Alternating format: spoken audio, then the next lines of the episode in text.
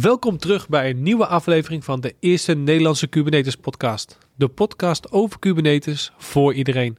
In deze podcastreeks gaan we in op de technieken en leuke onderwerpen rond Kubernetes. Wil je interactief met Kubernetes aan de slag? Ga dan naar k8spodcast.nl slash masterclass.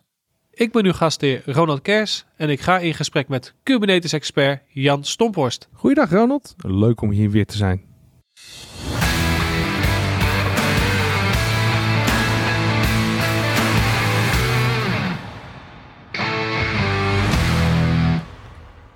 Zo Jan, en waar gaan we het vandaag over hebben? Ik wilde vandaag graag praten over de lifecycle van een pod met informatie voor het debuggen, een debug container en het debuggen van containers. Jan, stel ik heb een Kubernetes cluster draaien en het leven is goed, al mijn pods staan op running, maar ik ben eigenlijk ook wel benieuwd wat er nou precies gebeurt als er een pod opstart. Nou, dat is goed dat je het vraagt. Ik vind het ook altijd fijn als ik geen ge- gefaalde pod heb. Laten we eens door het leven van een pod gaan. We gaan niet alle status door of events langs, maar wel een aantal belangrijke. We hebben het al eerder over kubecontrol gehad, maar ik wil even twee specifieke opties uitlichten. Deze zijn perfect om te kijken hoe het met je pod gesteld is. Je hebt kubecontrol describe pod. Dat is een commando waar je ontzettend veel informatie over de pod krijgt te zien. Hier krijg je ook events te zien. Oké, maar als ik dat doe, dan zie ik soms die events wel en soms niet. Hoe kan dat? Nou, standaard zou Kubernetes één uur lang die events vasthouden. Daarom zie je niet altijd wat. Je kan deze setting op de API-server aanpassen, mits je niet in de cloud draait. Daar kan je het niet aanpassen. Je zou dan potentieel met een event exporter kunnen werken. Een hele goede is Kai Cloud. Deze zal de events doorsturen naar Prometheus. Maar in de praktijk kijk ik naar events als het start. Dus als een eh pot geen lange events meer heeft, gooi ik hem weg en heb ik de kans weer opnieuw te kijken. Maar je had het over twee opties. Wat is de tweede dan? Nou, stel hè, je pot is helemaal opgestart, maar je wil graag de applicatielogging zien. Dan kan je kubecontrol logs gebruiken. Deze zal de applicatielogging weergeven, mits de lo- logging naar standaard uitgeschreven wordt. Ah, maar wat gebeurt er dan als er een pod start? Nou, als een pot start, dan moet eerst Kubernetes moet een plekje voor hem zoeken in het cluster. En dat doet de scheduler. De scheduler gaat op zoek naar de juiste plek op basis van de opdracht die je mee hebt gegeven. En dit geeft dan een status pending. En in die event zal je zien dat hij, als hij het gevonden heeft, een, een scheduled event krijgt. Dan heeft hij nog steeds de status pending als hij eh, de containers die in de pot zitten aan downloaden is. En is dit dan het moment dat hij de init containers gaat starten? Nou, hij gaat ze eerst downloaden. En als ze dan aanwezig zijn, dan krijgt hij de status initialized. En dan zal hij de in het pods uitvoeren. Soms, als de pot te, te lang staat te wachten, dan krijgt hij de status waiting. Maar wat zou dan de oorzaak hiervan kunnen zijn? Ja, dat is mooi. Dat kan eer meerdere oorzaken hebben. Zoals het missen van configuratie of dat hij de container niet kan downloaden. Maar een status waiting is nooit goed. Als het wel goed gaat, krijg je events voor elke container die aan het pooling is en die gepoeld zijn. Dus als de container gepoeld is, dan kan hij de Docker registry vinden. En dat is wel fijn. Ja, dat is top. Nu staan de containers op de node waar de pot zou starten. Hierna zou hij de container proberen te maken en te starten. En dan krijg je dus events zoals created en started. Als dit allemaal gelukt is, dan zal de status naar running gaan. En we hebben nu een werkende pot. Hoe kun je zien dat alles omtrent het starten van de container goed is gegaan? Dan zie je de container op completed staan. Dit is een pot die een taak heeft en daarna klaar is. Dus in de praktijk is dat vaak een scriptje die op bepaalde tijd gestart wordt. Maar als mijn job verkeerd gaat, kan ik dat dan zien? Zeker. In de standaard config laat hij vijf oude jobs staan. En dat kan je natuurlijk helemaal aanpassen. Maar als die verkeerd gaat, dan zie je dat ook gewoon. Oké, maar dit is natuurlijk een happy flow, dus alles gaat goed. Als iets misgaat, welke meldingen krijg ik dan? Nou, voor jobs is dit status terminated. Hier kan je zien dat het niet goed gegaan is. Voor pods kan je aan de volgende status zien dat het niet goed gaat. Als de status failed en crash loopback off is, dan is er iets in de containers eh, misgegaan. Dan kan je met kubecontrol logs kijken wat er misgegaan is. En dat is dus dan de container wel opgestart, maar dat is dus een applicatie error. Stel, het Docker image is niet beschikbaar, dan zal een status error image pool geven. En welke melding krijgt de pod als de node niet meer beschikbaar is? Nou, het duurt vijf minuten voordat de node niet meer reageert. Voordat Kubernetes doorheeft dat hij niet meer reageert. En dan zullen alle pods op andere nodes worden gestart. Dit kan je natuurlijk wel aanpassen, behalve weer in de clouds. Dat kan je niet aanpassen. En dan krijgen de pods van de andere node de status unknown. En dan heb je nog algemene errors. Dan gaat er iets mis waar geen status voor is. En dan heb je ook natuurlijk nog, als een node vol zit, wat gebeurt er dan met de containers? Nou, een node kan op drie manieren vol zitten. Dat is, uh, zou redelijk simpel zijn. Op basis van CPU, geheugen of de lokale disk. En het geheugen is ook nog eens opgedeeld in twee soorten. Je hebt huge pages en normaal geheugen. En huge pages, daar moet je voor een node, uh, moet je speciaal op een node aanzetten. En als je dan op een node kijkt en je ziet permanent storage, is dit lokale storage. En als deze op, feitelijk is dit de lokale disk. Als deze op 80% is, dan gaat Kubernetes automatisch de pods verschuiven. En dat zie je terug dan in infected pods. Dus alle meldingen, ook al als de CPU vol zit of het geheugen vol zit, dan zal dat altijd zien, terugzien als infected pods. Zijn dit dan alle statussen die er zijn? Nou, er zijn er nog wel meer, maar dit zijn echt wel de allerbelangrijkste. ACC ICT is specialist in IT-continuïteit.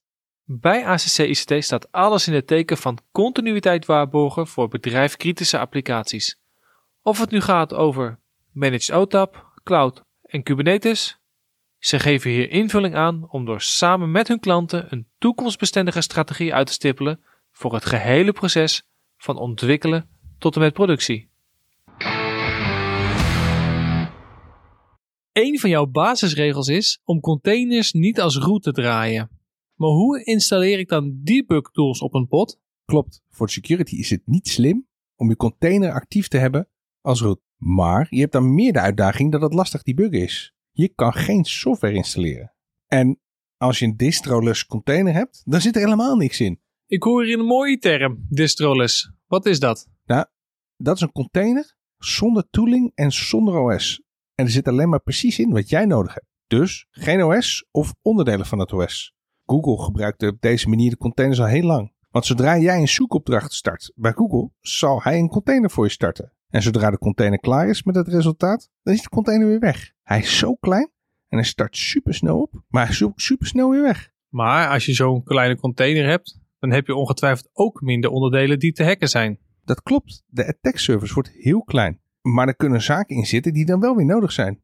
En die zou je er zelf in moeten zetten. En dat is dan maar vaak weer minder handig. Want je pakt vaak een oude versie waar weer zero D's in zitten. Iedere beheerder die is ongetwijfeld bekend met een zero day. Maar kun je de term even toelichten? Een zero day is een security gat die vandaag gevonden is, waar nog geen patch voor is. Maar deze zijn altijd en blijven altijd een probleem. Maar als je een container wil maken zonder OS, zet je in plaats van from Alpine bijvoorbeeld, of from Debian, zet je daar from Scratch neer. En dan is die helemaal leeg, maar dan ook echt helemaal leeg.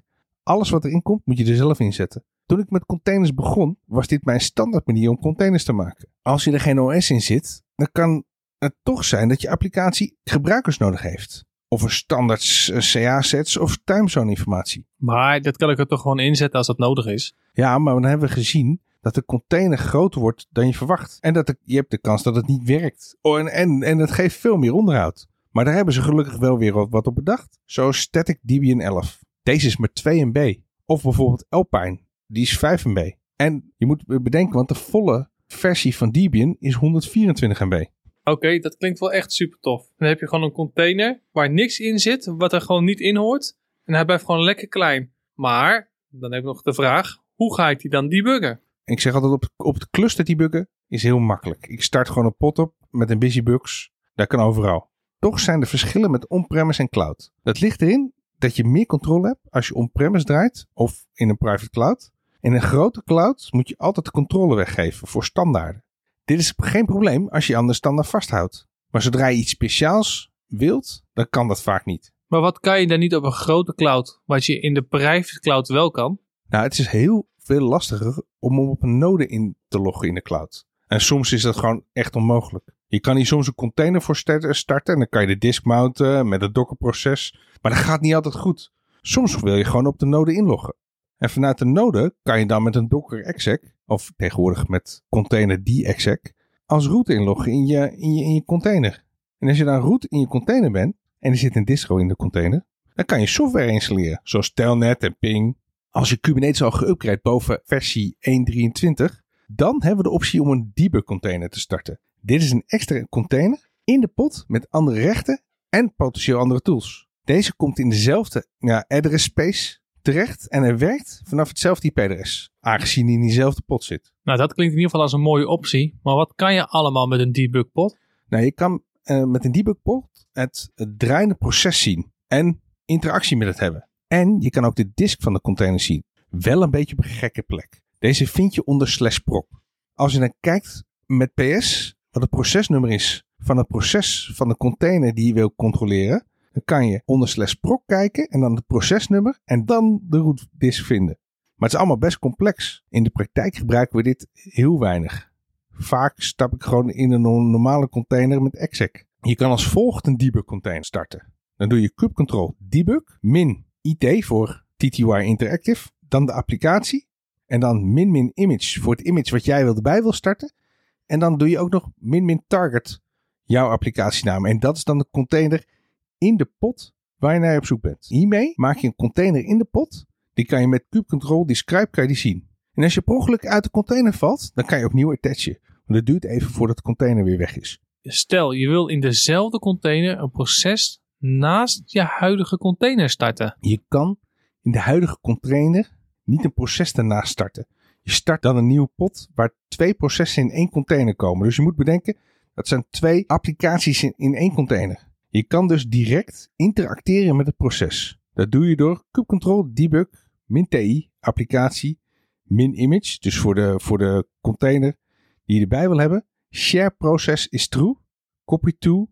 En dan je containernaam. De applicatie. Je start dan een nieuw container op met een gedeeld proces. Zodat je het proces kan, kan zien in een container. Dus je ziet zeg maar met uh, een PS echt het proces in jouw container draaien. En je kan echt daarmee interacteren. Dus als je een share proces gebruikt, kan je ook, het andere, kan je ook de andere processen zien.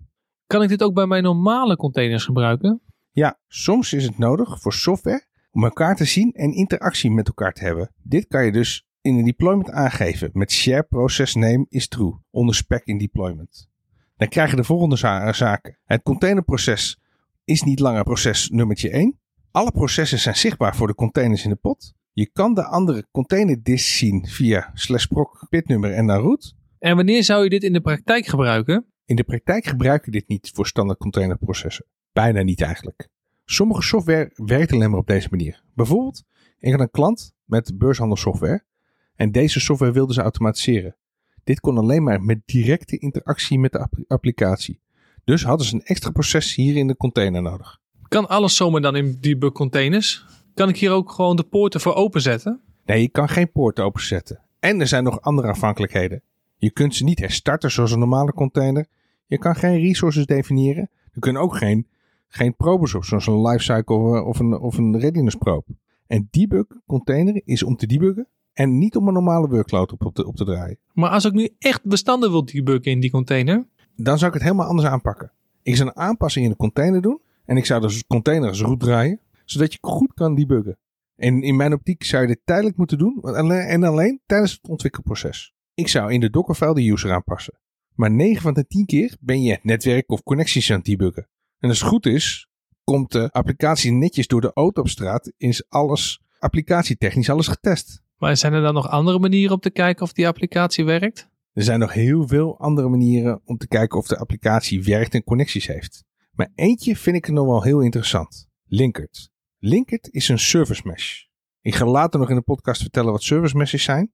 Maar Linkert kan je helpen. Linkert kan je installeren en verwijderen op een lopende omgeving.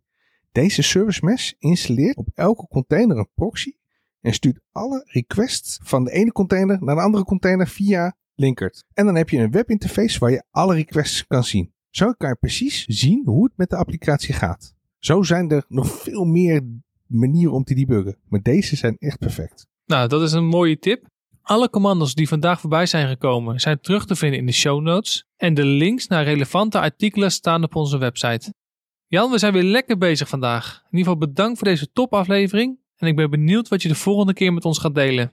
Ja, ik bedankt Ronald.